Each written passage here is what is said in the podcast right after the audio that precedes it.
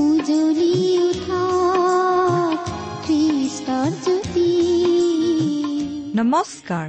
আমাৰ মৰমীয়াল প্ৰভু যীশুৰ মহান নামেৰে আপোনাক এয়া ভক্তিবচন অনুষ্ঠানলৈ আদৰিছো।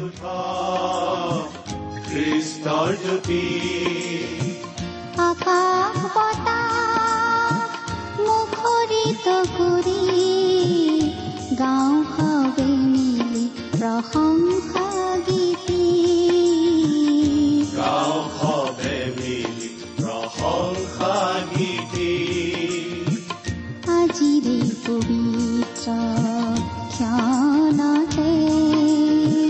উজলি উঠা খ্ৰীষ্টৰ জ্যোতি ঈশ্বৰে আপোনাক যি অসীম প্ৰেম কৰিলে তাক যদি অনুভৱ কৰিব বিচাৰে আৰু তেওঁৰ অগম্য বাক্যৰ মৌ মিঠা সোৱাদ ল'ব বিচাৰে তেন্তে আহক আজিৰ ভক্তিবচন অনুষ্ঠানটো মনোযোগেৰে শুনো। এয়া আপোনালৈ আগবঢ়াইছো ঈশ্বৰৰ জীৱন্ত বাক্যৰ অনুষ্ঠান ভক্তিবচন।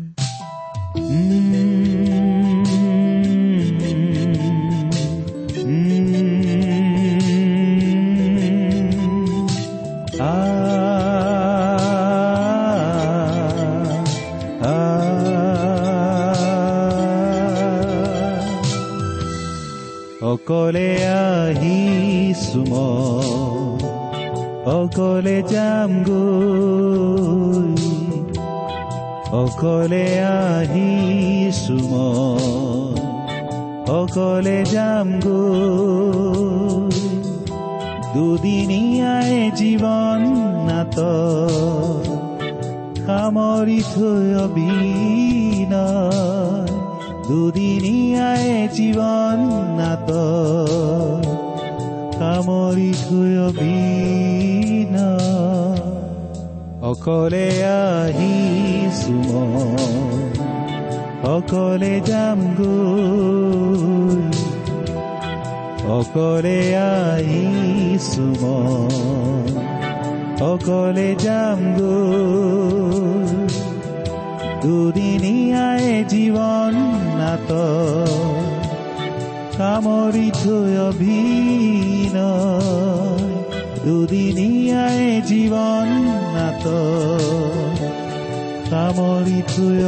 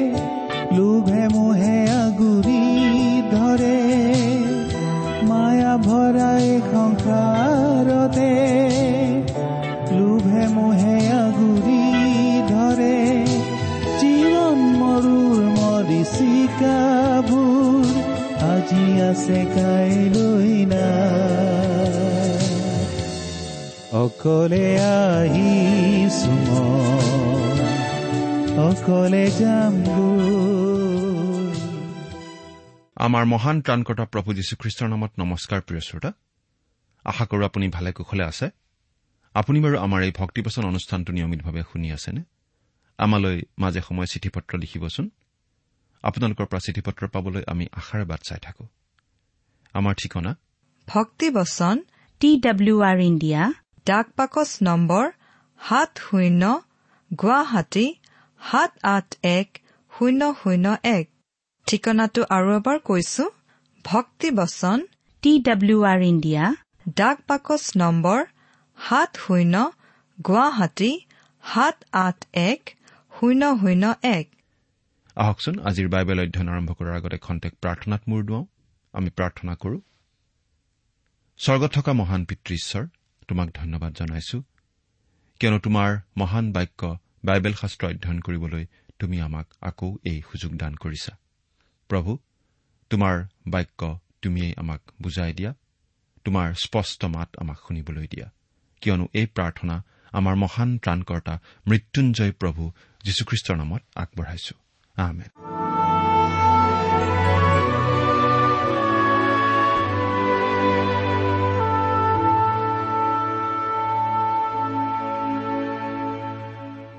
প্ৰিয় শ্ৰোতা আমি আজি ভালেমান দিন ধৰি বাইবেলৰ পুৰণি নিয়ম খণ্ডৰ জিহিচকেল ভাৱবাদী পুস্তকখন অধ্যয়ন কৰি আছো নহয়নে বাৰু?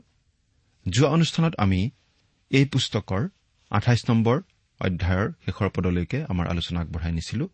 গতিকে আজি আমি ঊনত্ৰিশ নম্বৰ অধ্যায়ৰ পৰা আমাৰ আলোচনা আৰম্ভ কৰিব খুজিছো। ঊনত্ৰিশ নম্বৰ অধ্যায়টোত মিছৰৰ বিৰুদ্ধে ভাৱবাণী দিয়া আমি দেখিবলৈ পাওঁ। কিছুমান সংৰক্ষণশীল খ্ৰীষ্টীয় লোকে ভাবে যে তুৰৰ ক্ষেত্ৰত যি ভাৱবাণী দিয়া হৈছে তাতকৈ মিছৰৰ ক্ষেত্ৰত দিয়া ভাৱবাণীবিলাকহে অধিক গুৰুত্বপূৰ্ণ। আমি কিন্তু তেনেদৰে নাভাবো। কাৰণ তুৰক দিয়া ভাৱবাণীখিনিও যিহেতু ঈশ্বৰে দিয়া ভাৱবাণী গতিকে সেইবোৰ গুৰুত্বপূৰ্ণ ভাৱবাণী। গতিকে মিছৰৰ বিৰুদ্ধে দিয়া এই ঊনত্ৰিশ নম্বৰ অধ্যায়ৰ ভাৱবাণীটো মন কৰিবলগীয়া ভাৱবাণী আমি পাম। মিছৰ এখন ডাঙৰ দেশ আছিল। আৰু সেইখন এতিয়ালৈকে ধ্বংসৰ মুখ দেখা নাই। যুগ যুগ ধৰি এই দেশখনে নিজৰ সুনাম অটুট ৰাখি আহিছে। অতি প্ৰাচীন দেশবিলাকৰ মাজত মিছৰো এখন আছিল। নিজৰ নিৰাপত্তাৰ কাৰণে কতো একো দেৱাল তৈয়াৰ কৰিবলগীয়া হোৱা নাছিল। কাৰণ মৰুভূমিটোৱেই এটা নিৰাপত্তাৰ দেৱালৰ নিচিনা আছিল। দেশখনত প্ৰৱেশ কৰাৰ কেৱল এটাই প্ৰৱেশ দুৱাৰ আছিল আৰু সেয়া আছিল নীল নদীৰ উপত্যকাৰ মাজেৰে।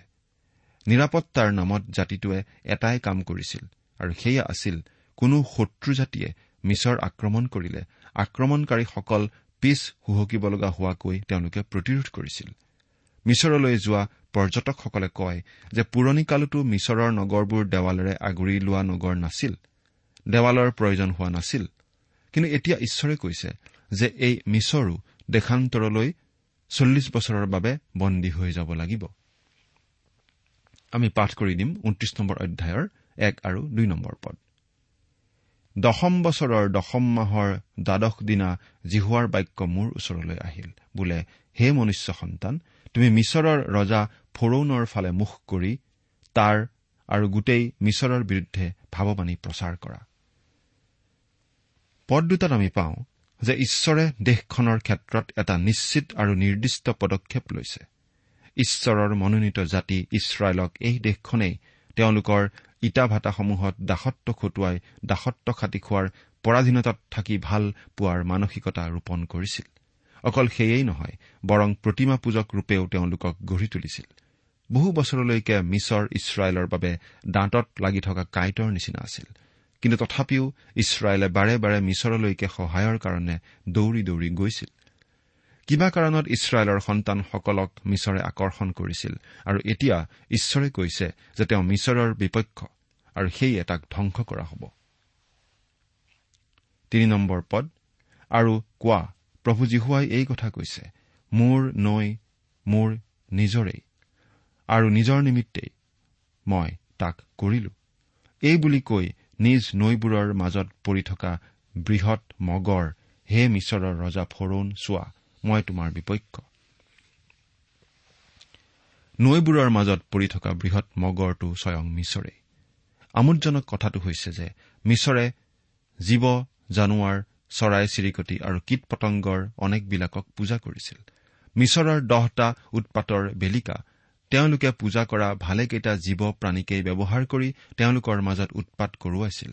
বেঙৰ কথাটোকেই ধৰক ঘৰে বাহিৰে চকীয়ে মেজে বিচনাই পত্ৰই কেৱল বেং আৰু বেং। কি কৰিব? যিমান পাৰে এফালৰ পৰা মাৰি মৰাব? পূজ্য জীৱক কেনেকৈ মাৰিব?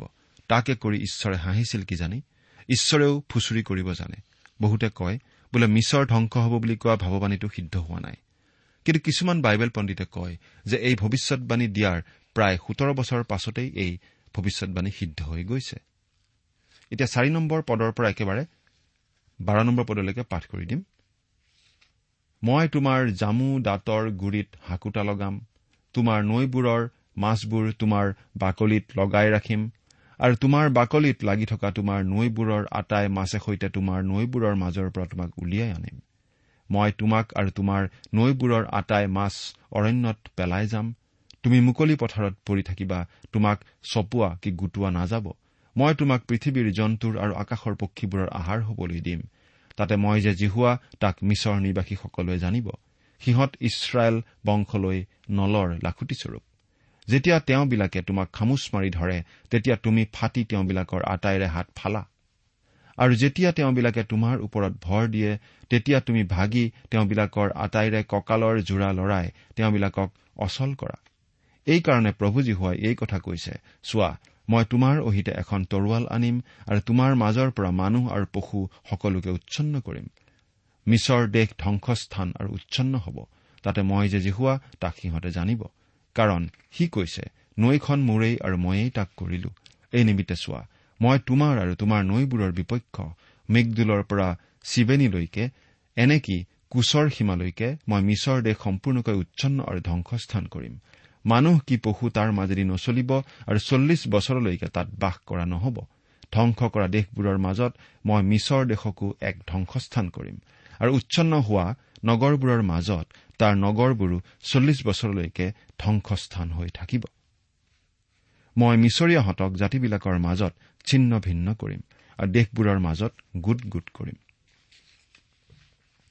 তাৰ পাছত মিছৰৰ কি হ'ব সেইটোও কোৱা হৈছে। তেৰ নম্বৰ পদত। পাঠ কৰি দিছো। তথাপি প্ৰভুজী হোৱাই এই কথা কৈছে যি জাতিবিলাকৰ মাজত মিছৰীয়াহঁত ছিন্ন ভিন্ন হ'ব সেই জাতিবিলাকৰ মাজৰ পৰা মই চল্লিছ বছৰৰ মূৰত সিহঁতক চপাম। অৰ্থাৎ তেওঁলোক বন্দী হৈ দেশান্তৰলৈ যাব লাগিব। ভাৱবাণী দিয়াৰ সোতৰ বছৰৰ পাছত নবুখত নেচৰে মিছৰ আক্ৰমণ কৰি মিছৰীয়াহঁতক বন্দী কৰি বাবিললৈ লৈ গৈছিল আৰু তাতেই তেওঁলোক চল্লিছ বছৰ বন্দী জীৱন কটাবলগীয়া হৈছিল।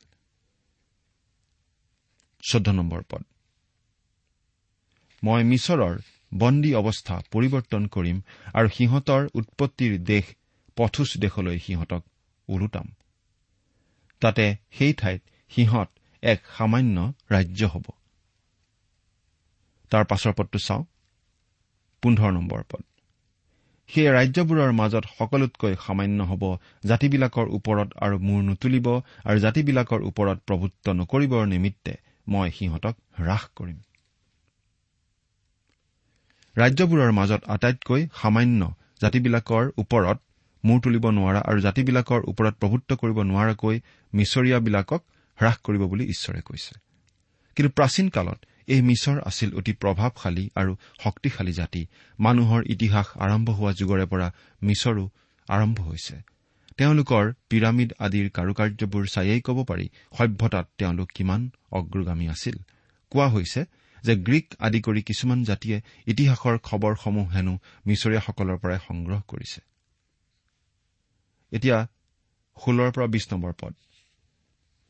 সিহঁত ইছৰাইল বংশৰ বিশ্বাস ভূমি আৰু নহব আৰু সিহঁতৰ পাছত যাবলৈ তেওঁবিলাকে মুখ কৰা কালত সিহঁত অপৰাধ সোঁৱৰণ কৰাওঁতা আৰু নহব।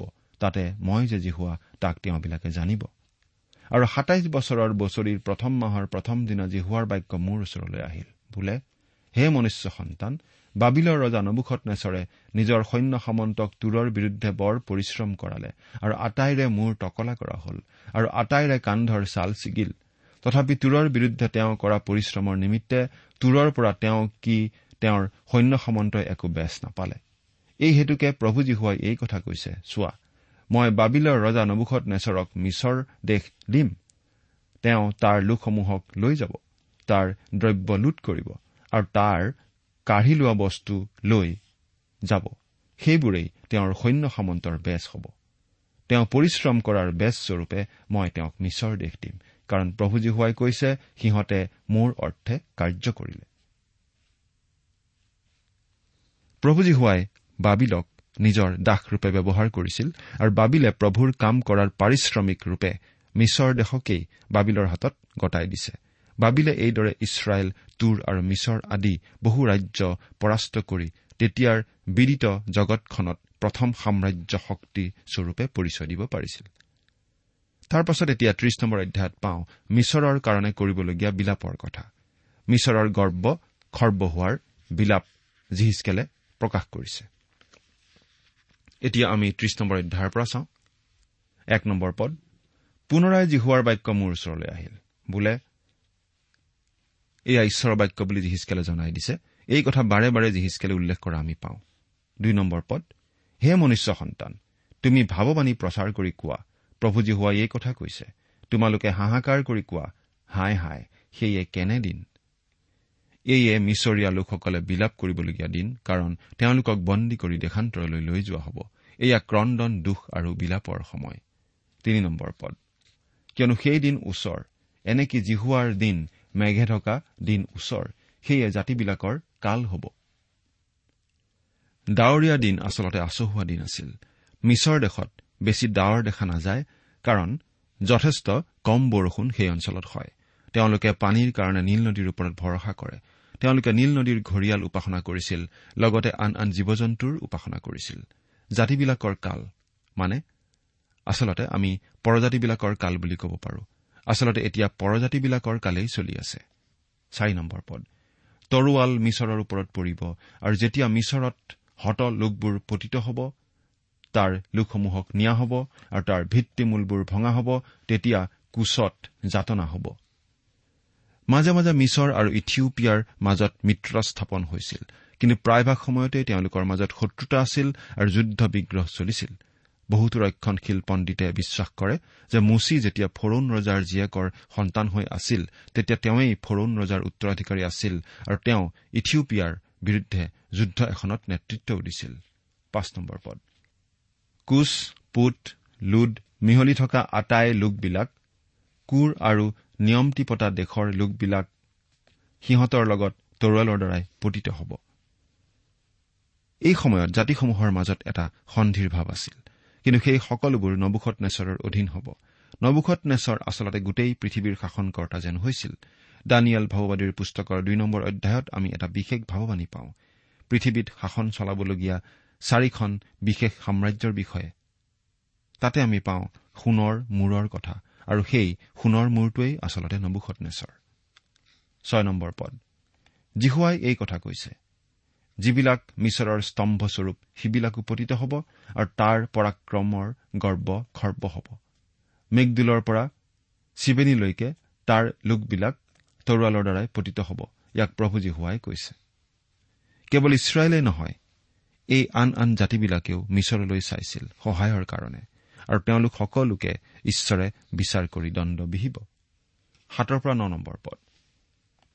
আৰু ধ্বংস কৰা দেশবোৰৰ মাজত সিহঁতো ধ্বংস অৱস্থা পোৱা লোক হ'ব আৰু তাৰ নগৰবোৰ উচ্ছন্ন হোৱা নগৰবোৰৰ মাজৰ উচ্ছন্ন নগৰ হ'ব। মই যেতিয়া মিছৰত জুই লগাম আৰু তাৰ আটাই সাহায্যকাৰীবোৰ নষ্ট হ'ব তেতিয়া মই যে যি হোৱা তাক সিহঁতে জানিব। সেইদিনা নিশ্চিন্তে থকা কুচিয়াহঁতক ভয় লগাবলৈ দূতবিলাকে মোৰ আগৰ পৰা জাহাজেৰে ওলাই যাব আৰু মিছৰৰ দিনৰ নিচিনাকৈ সিহঁতৰ মাজত যাতনা হ'ব কিয়নো চোৱা সেয়ে আহিছে। আনকি নিশ্চিন্তে থকা কুচিয়া অৰ্থাৎ ইথিওপিয়া লোকবিলাকৰ ওপৰলৈও ঈশ্বৰৰ দণ্ড আহিব। দহৰ পৰা এঘাৰ পদ। প্ৰভুজী হোৱাই এইদৰে কৈছে মই বাবিলৰ ৰজা নবুখনেশ্বৰৰ হাতৰ দ্বাৰাই মিছৰৰ লোকসমূহক লুপ্ত কৰিম। তেওঁক আৰু তেওঁৱে সৈতে তেওঁৰ প্ৰজাবিলাকক জাতিবিলাকৰ ভয়ানক লোকক দেশ বিনষ্ট কৰিবৰ অৰ্থে অনা হ'ব আৰু সিহঁতে মিছৰৰ বিৰুদ্ধে নিজ নিজ তৰোৱাল ফাকৰ পৰা উলিয়াই হত লোকেৰে দেশ পৰিপূৰ্ণ কৰিব। নবুখনেশ্বৰ ৰজাৰ হাতত মিছৰ দেশ ধ্বংস হ'ব। অসংখ্য লোকৰ মৃত্যু হ'ব কিন্তু সেই সকলো ঈশ্বৰেই আনিব। তেওঁলোকক দণ্ড দিবৰ কাৰণে। বাৰ নম্বৰ পদ। মই নদীবোৰ শুকান ঠাই কৰিম আৰু দেশ দুষ্টবোৰৰ হাতত বেচিম। মই বিদেশী লোকৰ হাতৰ দ্বাৰাই দেশ আৰু তাত থকা সকলোকে উচ্ছন্ন কৰিম ইয়াক মই জিহুৱাই কলো। ইয়াত নদীবিলাক বুলি যে কোৱা হৈছে মিছৰত ইমানবোৰ নদী আছিল নে আচলতে মিছৰত নীল নদীয়ে একমাত্ৰ প্ৰধান নদী। এই নদীৰ বদ্বীপ অঞ্চলত নদীখনৰ বহুতো শাখা আছিল আৰু সেই শাখা নদীবোৰকেই আচলতে ইয়াত বুজোৱা হৈছে। সেই অতি সাৰুৱা অঞ্চলত বহুতো জলসিঞ্চলৰ খাল আছিল। আৰু তাৰ ওচৰতে আছিল গোচেন অঞ্চল। ইছৰাইলীয় লোকবিলাক যেতিয়া মিছৰ দেশলৈ আহিছিল তেওঁলোকে সেই গোচেন অঞ্চলতেই প্ৰথমে বসতি কৰিছিল। মই নদীবোৰৰ ঠাই শুকান কৰিম আৰু দেশ দুষ্টবোৰৰ হাতত বেচিম। মিছৰ দেশ পাছত মহামতী আলেকজেণ্ডাৰৰ হাতত পতিত হৈছিল।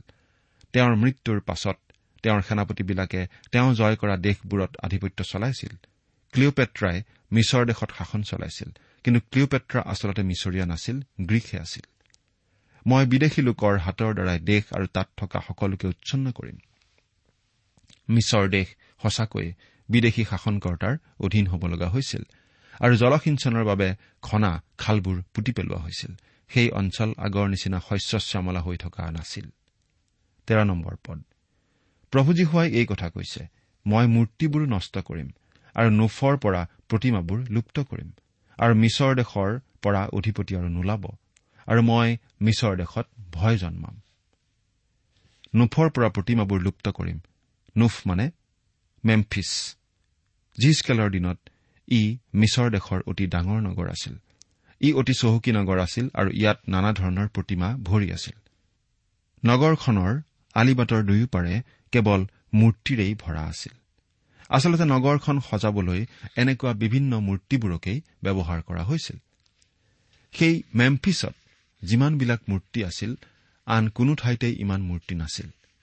ইয়াত ঈশ্বৰে জনাই দিছে যে তেওঁ মেমফিছৰ পৰা মূৰ্তিবোৰ নোহোৱা কৰি পেলাব। এতিয়া সেই ঠাইখন নাই। তাৰ ধ্বংসাৱশেষৰ মাজত মাত্ৰ এটা ডাঙৰ মূৰ্তি আছে ৰামাছেছৰ মূৰ্তি। এই মূৰ্তিটো পিঠি পেলাই পৰি থকা অৱস্থাত আছে আৰু সেই মূৰ্তিটোৰ চাৰিওপিনে বেৰি থোৱা আছে। অৰ্থাৎ সেই নগৰখনৰ পৰা মূৰ্তিবোৰ নোহোৱা কৰি পেলোৱা হ'ল। ঈশ্বৰে যি কৰিম বুলি কৈছিল তাকেই কৰিলে। মিছৰ দেশৰ পৰা অধিপতি আৰু নোলাব। আজি মিছৰ দেশত ৰাজকীয় বংশ আৰু নাই। একালৰ বিশ্বজোৰা আধিপত্যও আৰু নাই। এতিয়া চৈধ্য নম্বৰ পদৰ পৰা একেবাৰে ঊনৈশ নম্বৰ পদলৈকে পাঠ কৰি দিম। ই মই পত্ৰুচক ধ্বংস কৰিম। চোৱনত জুই লগাম আৰু নো নগৰক দণ্ড দিম। আৰু মই মিছৰৰ দুৰ্গ চীনৰ ওপৰত মোৰ ক্ৰোধ বৰষাম আৰু নো নগৰৰ লোকসমূহক উচ্ছন্ন কৰিম। আৰু মই মিছৰত জুই লগাম। চীনে যাতনাত ধৰফৰ কৰিব আৰু নো নগৰক ভঙা হ'ব আৰু দিনতে শত্ৰুৱে নোফক আক্ৰমণ কৰিব।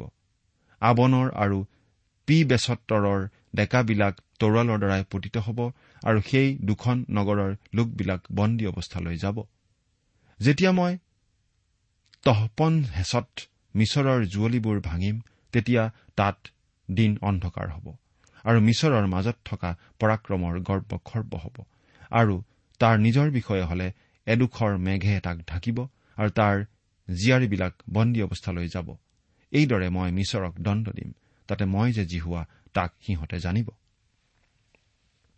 মুঠতে মিছৰ দেশৰ বিভিন্ন গুৰুত্বপূৰ্ণ ঠাইবোৰৰ কথা উল্লেখ কৰি কোৱা হৈছে যে ঈশ্বৰে সেইবোৰৰ ওপৰত তেওঁৰ ক্ৰোধ বৰষাব তেওঁৰ দণ্ড নমাই আনিব দেশখনৰ ওপৰলৈ। চীন নামৰ দুৰ্গ এতিয়া বালিৰ তলত পোত খাই আছে। মই নো নগৰৰ লোকসমূহক উচ্ছন্ন কৰিম। এই নো নগৰ হৈছে থিবিছ নীল নদীৰ ওপৰ ভাগলৈ অৱস্থিত। ই এখন অতি ডাঙৰ নগৰ আছিল। এতিয়া ইয়াৰ ভগ্নাৱশেষে আছে। কিন্তু আগৰ সেই মহত্ব আৰু নাই। ঠিক তেনেদৰে মিছৰ দেশৰ ডাঙৰ ডাঙৰ বিখ্যাত বিখ্যাত নগৰবোৰৰ কথা ইয়াত উল্লেখ কৰি ঈশ্বৰে কৈছে সেই সকলোবোৰ তেওঁ ধ্বংস কৰিব বুলি। সেইবোৰ সঁচাকৈ নোহোৱা হৈ গ'ল। প্ৰিয় শ্ৰোতা আচলতে আমিও আজি আছো কাইলৈ নাই। ঈশ্বৰে মিছৰ দেশলৈ অভিশাপ কঢ়িয়াই আনিব বুলি কোৱা কথা আমি পাইছো। ঈশ্বৰে মিছৰ দেশ বুলিয়েই নহয় ইছৰাইল দেশৰ লগতে ইছৰাইলৰ আশে পাশে থকা ইছৰাইলৰ লগত আদান প্ৰদান থকা বিভিন্ন জাতিসমূহো ধ্বংস কৰিব বুলি জনাই দিছিল। তুৰ চিডুন ইডুম অম্মুন আদি জাতি ধ্বংস তেওঁ কৰিম বুলি কৈছিল। আৰু ত্ৰিশ নম্বৰ অধ্যায়ত আমি পাই আছো মিছৰ দেশ ধ্বংস কৰিব বুলি তেওঁ জনাই দিয়া কথা। এতিয়া আমি ত্ৰিশ নম্বৰ অধ্যায়ৰ বাকী থকা পদকেইটা চাব খুজিছো। বিশ নম্বৰ পদ। একাদশ বছৰৰ প্ৰথম মাহৰ সপ্তম দিনা জিহুৱাৰ বাক্য মোৰ ওচৰলৈ আহিল। বোলে এয়া জিহিচকেলৰ কথাত। এইটো আকৌ প্ৰকাশ পাইছে যে তেওঁ এই যিবোৰ কথা লিখি আছে সেইবোৰ ঈশ্বৰ জিহুৱাৰ পৰা অহা বাক্য। তেওঁ আছিল ভাৱবাদী। গতিকে ঈশ্বৰে তেওঁক যি বাক্য ঘোষণা কৰিবলৈ কৈছিল তাকেই তেওঁ ঘোষণা কৰিছিল। অৰ্থাৎ এতিয়া আমি যিখিনি বাক্য পাই আছো এয়া ঈশ্বৰৰ পৰা অহা বাক্য। একৈশ আৰু বাইশ নম্বৰ পদ। হে মনুষ্য সন্তান মই মিছৰৰ ৰজা ফৰৌনৰ বাহু ভাঙিলো। আৰু চোৱা তৰোৱাল ধৰিবলৈ শক্তি পাবৰ নিমিত্তে তাত ঔষধ লগাই পতি দি তাক বন্ধা নহল এই নিমিত্তে প্ৰভুজী হোৱাই এই কথা কৈছে চোৱা মই মিছৰৰ ৰজা ফৰৌনৰ বিপক্ষ আৰু তাৰ বলি ও ভগা বাহু এই দুয়োকো মই ভাঙিম আৰু তাৰ হাতৰ পৰা তৰোৱালখন পৰি যোৱা কৰিম। ঈশ্বৰে আকৌ কৈছে মিছৰ দেশৰ পতন তেওঁ ঘটাব বুলি। মিছৰৰ শাসনকৰ্তাবিলাকক সদায় হাতত এডাল ৰাজদণ্ড লৈ থকা অৱস্থাত দেখুওৱা হয়। সেই ৰাজদণ্ড আছিল তেওঁলোকৰ ক্ষমতাৰ চিন। কিন্তু ঈশ্বৰে কৈছে মই ফৰৌনৰ বাহু ভাঙিম। ভঙা হাতেৰে ৰাজদণ্ড ধৰি থকা টান কাম। ঈশ্বৰে এই বুলিও কৈছে সেই ভগ্ন বাহু সুস্থ কৰিবৰ কাৰণে পতি বান্ধি দিয়া নহ'ব। মুঠতে মিছৰ দেশৰ যে পতন হ'ব সেই কথাটো ঈশ্বৰে বাৰে বাৰে জনাই দিছে।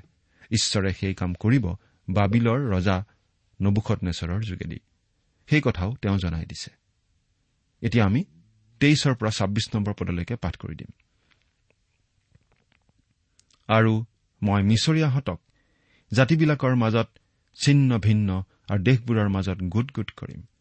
মই বাবিলৰ ৰজাৰ বাহু দুটা সবল কৰিম আৰু তেওঁৰ হাতত মোৰ তৰোৱাল দিম। কিন্তু মই ফৰৌনৰ বাহু দুটা ভাঙিম। তাতে সাংঘাতিক ৰূপে আঘাতিত হোৱা মানুহে কেঁকুৱাৰ দৰে তেওঁৰ আগত সি কেঁকাব আৰু মই বাবিলৰ ৰজাৰ বাহু দুটা দাঙি ধৰিম। কিন্তু ফৰৌনৰ বাহু দুটা হলে পৰিব। যেতিয়া মই বাবিলৰ ৰজাৰ হাতত মোৰ তৰোৱাল দিম আৰু তেওঁ মিছৰ দেশৰ বিৰুদ্ধে তাক মেলিব তেতিয়া মই যে যি হোৱা তাক সিহঁতে জানিব। মই মিছৰীয়াহঁতক জাতিবিলাকৰ মাজত ছিন্ন ভিন্ন আৰু দেশবোৰৰ মাজত গোট গোট কৰিম তাতে মই যে যি হোৱা তাক সিহঁতে জানিব। বাবিল দেশৰ ৰজা নবুখত নেচৰক ঈশ্বৰে শক্তিশালী কৰি তেওঁৰ যোগেদি বাকী দেশবোৰক ধ্বংস কৰাইছিল। আন আন দেশবোৰক শাস্তি দিবলৈকে তেওঁ নবুখত নেচৰ ৰজাক ব্যৱহাৰ কৰিছিল জিহিচকেল ভাৱবাদীৰ যোগেদি ঈশ্বৰে দিয়া ভাৱবাণী আখৰে আখৰে ফলিয়াইছিল। এই কথাকে আমি বাৰে বাৰে উল্লেখ কৰি আহিছো যে ঈশ্বৰে আগতীয়াকৈ যিবোৰ কথা তেওঁৰ ভাৱবাদীবোৰৰ মাজেদি জনাই দিছিল সেইবোৰ আজিলৈকে আখৰে আখৰে ফলিয়াই আহিছে। আৰু কিছুমান ভাৱবাণী এতিয়াও ফলিয়াবলৈ বাকী আছে। প্ৰভু যীশু আকৌ আহিব। সেই কথাও ঈশ্বৰে জনাই দিছে আৰু সেই কথাও ফলিয়াব। প্ৰভু যীশুৰ সেই দ্বিতীয় আগমনৰ দিনা প্ৰভু যীশুৰ আগত আপুনি কেনেদৰে থিয় দিব? চিন্তা কৰি চাওকচোন। ঈশ্বৰে আপোনাক আশীৰ্বাদ কৰক। আহমেদ অকলে আহিছো অকলে যাম ইমান পৰে আপুনি ভক্তিবচন অনুষ্ঠানটি শুনিলে। অনুষ্ঠানটি শুনি কেনে পালে? আমালৈ চিঠি লিখি জনাবচোন। অনুষ্ঠানত প্ৰচাৰ কৰা কোনো কথা বুজিব লগা থাকিলেও আমালৈ লিখক। আমাৰ ঠিকনা ভক্তিবচন টি ডাব্লিউ আৰ ইণ্ডিয়া ডাক পাকচ নম্বৰ সাত শূন্য গুৱাহাটী সাত আঠ এক শূন্য শূন্য এক। ঠিকনাটো আৰু এবাৰ কৈছো ভক্তিবচন টি ডাব্লিউ আৰ ইণ্ডিয়া ডাক পাকচ নম্বৰ সাত শূন্য গুৱাহাটী সাত আঠ এক শূন্য শূন্য এক। আপুনি ইমেইল যোগেৰেও আমাৰ সৈতে যোগাযোগ কৰিব পাৰে। আমাৰ ইমেইল আইডিটো হৈছে Assamese T TV at radio' eight eight two dot com. আইডিটো আকৌ এবাৰ কৈছো।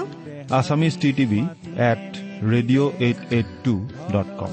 আপুনি টেলিফোনৰ মাধ্যমেৰেও আমাক যোগাযোগ কৰিব পাৰে। আমাৰ টেলিফোন নম্বৰটো হৈছে শূন্য তিনি ছয় এক দুই ছয় শূন্য চাৰি ছয় সাত এক। ফোন নম্বৰটো আকৌ এবাৰ কৈছো zero' three six one two six zero' four six seven one. আজিৰ অনুষ্ঠানটি ইমানতে সামৰিছো। ঈশ্বৰৰ শান্তি আৰু অনুগ্ৰহ আপোনাৰ লগত থাকক। ধন্যবাদ।